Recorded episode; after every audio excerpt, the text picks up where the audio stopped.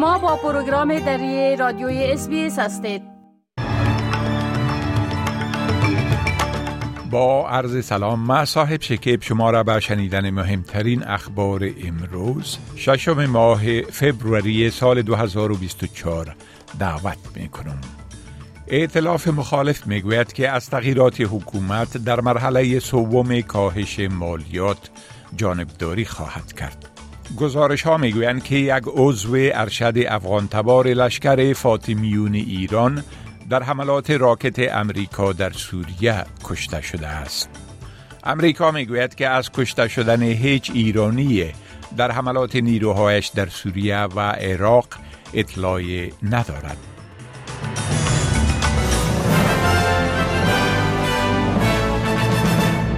تفصیل اخبار پیتر دتن رهبر جناح مخالف حکومت استرالیا می گوید که جناح ائتلافی او از تغییرات مرحله سوم کاهش مالیات حکومت حمایت خواهد کرد. اطلاف پیوسته حکومت را به دلیل روگردانی از وعده انتخاباتیش در مورد خودداری از آوردن تغییرات کاهش مالیاتی محکوم کرده است. آقای داتن می گوید که این تغییرات در مرحله سوم کاهش مالیات به دلایل سیاسی آورده شدند. Coalition is not going to stand in the way of providing support to Australians who are doing it tough. Prime Minister's made this change for his own political survival.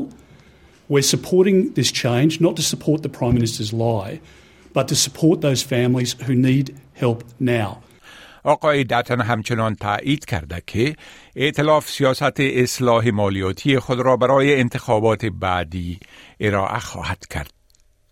به تعقیب نشر خبر تحت تداوی قرار گرفتن پادشاه بریتانیا و استرالیا به خاطر بیماری سرطان صدر اعظم انتونی البنیزی برای شاه چارلز آرزوی بهبودی سریع کرده است.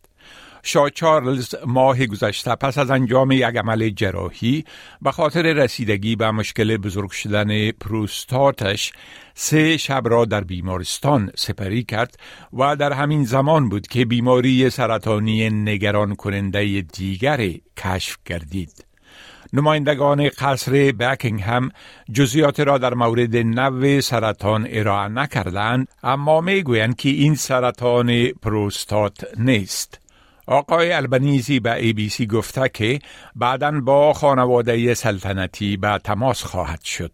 Today the thoughts of all Australians are with King Charles and his family. Uh, we wish him very much a speedy recovery. Uh, I will be sending a message to the palace this morning, and we hope uh, that uh, King Charles has a speedy recovery and a return uh, to his duties as soon as possible. چارلز در حالی که تحت برنامه از درمانهای منظم قرار می گیرد از وظایف عمومی کنارگیری کرده است. مت کانوان سناتور حزب نشنلز پس از محکومیت ینگ هنگ جون نویسنده استرالیایی به اعدام معلق در چین خواستار فاصله گرفتن استرالیا از آن کشور شده است. این حکم اعدام معلق دکتر ینگ می تواند پس از دو سال به حبس ابد تبدیل شود. دکتر ینگ در سال 2019 به اتهام جاسوسی در چین زندانی شد ولی او همواره این اتهامات را رد کرده است. سناتور کانوون می گوید که استرالیا باید روابط خارجی خود را تنوع ببخشد. I just think it's another example of how uh, we are not friends uh, with, with China, uh, that you can't really trust uh, China to do business in a fair way. I, never, I want to have as good relations as we can with all countries, including China, but clearly, given the status of the relationship with China, we need to develop other relationships to protect our country and our national interests. صدر اعظم انتونی البنیزی میگوید که استرالیا در مورد این مسئله موضعگیری محکم دارد. Uh, we have said very clearly that we'll cooperate with China where we can, but we'll disagree where we must. Uh, we must disagree with this harsh action by China. Uh, we have done so, we will continue to do so. بی بی سی در گزارش به نقل از رسانه های دولتی ایران و نزدیک به سپاه پاسداران انقلاب اسلامی گفته که یک عضو ارشد افغان تبار لشکر فاطمیون ایران در اثر حملات راکتی امریکا در سوریه کشته شده است.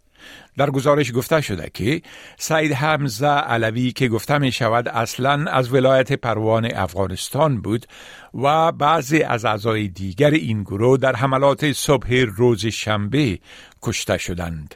لشکر فاطمیون بخشی از نیروهای تحت نظر نیروی قدس سپاه پاسداران است که از مهاجرین افغان ساکن ایران تشکیل شده و اعضای آن برای جنگ به سوریه اعزام می شوند. خبرگزاری فارس درباره سید حمزه علوی نوشته که او متولد سال 1337 هجری شمسی در ولایت پروان افغانستان بود و سابقه حضور در جهاد افغانستان علیه شوروی و همچنان در جنگ هشت ساله ایران و عراق را دارا بود.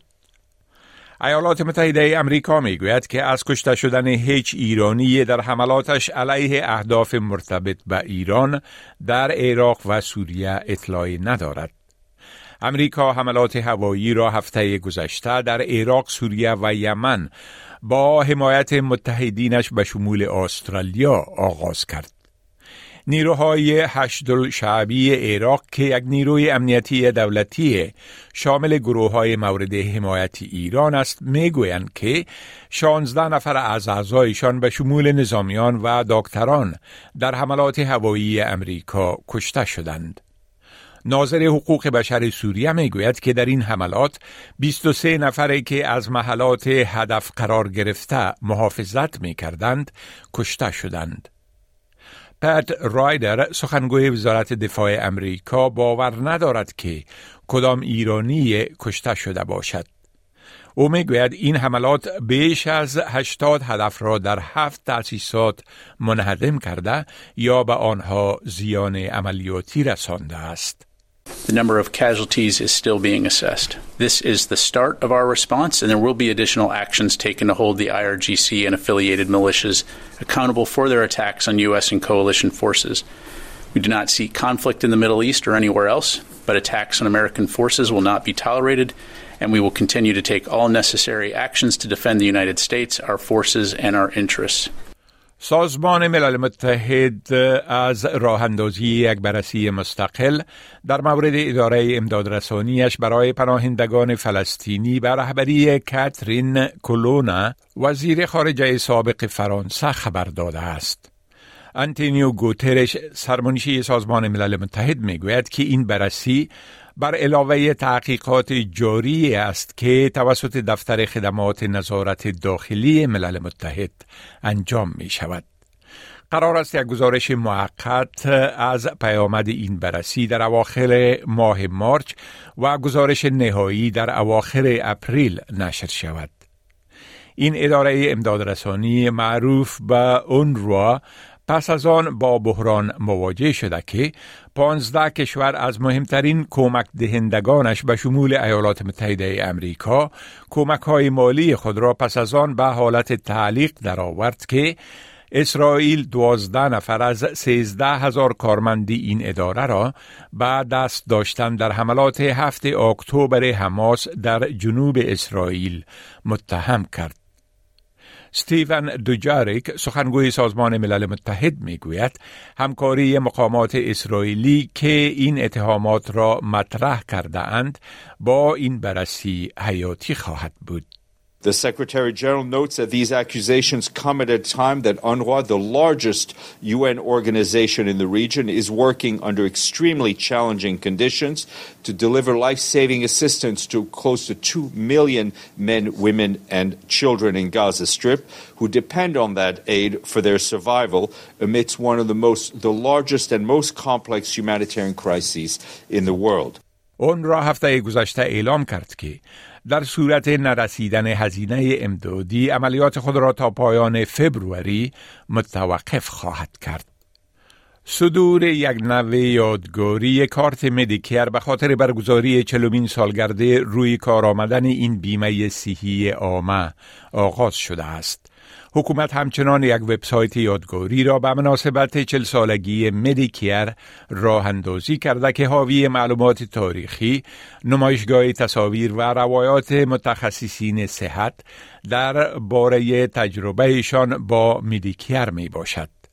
در حالی که مدیکیر به طور رسمی در سال 1984 راه اندازی شد ریشه آن به حکومت ویتلم برمیگردد که سیستم میدی بانک را در سال 1995 روی کار آورد حکومت هاک در سال 1984 میدی بانک را به میدیکیر تبدیل و بسیاری از تغییرات حکومت قبلی را فسخ کرد.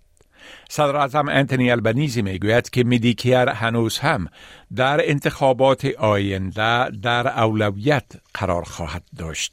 Uh, since we came to office, we've been determined to have strengthening Medicare as one of the key components, and it will be in the next election.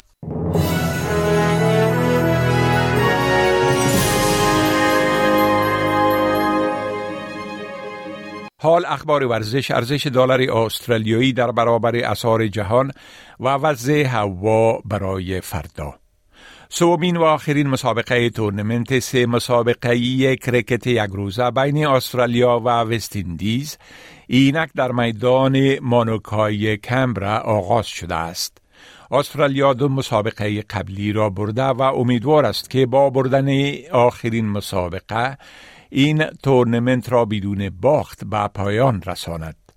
در مسابقه دوم به روز جمعه چند بازیکن جوان در اولین بازی کرکت یک روزه ایشان به بسیار خوبی درخشیدند و شمار از آنها در بازی امروز هم شرکت دارند. ارزش یک دلار استرالیایی در بازارهای تبادله اسعار معادل تقریبا 48 افغانی 65 سنت امریکایی 60 سنت یورو و 52 پنس بریتانوی می باشد. و حال پیشگویی هوا در شهرهای عمده استرالیا برای فردا ملبورن نیمه ابری 23 درجه سانتیگراد سیدنی بارش 24 درجه سانتیگراد کمبرا نیمه ابری 24 درجه سانتیگراد برزبن کم بارش 32 درجه سانتیگراد ادلید اکثرا آفتابی 27 درجه سانتیگراد پرت آفتابی 36 درجه سانتیگراد هوبارت نیمه ابری 22 درجه سانتیگراد و داروین نیمه ابری 33 درجه سانتیگراد. این بود تازه ترین اخبار از پروگرام دری رادیوی اسبیس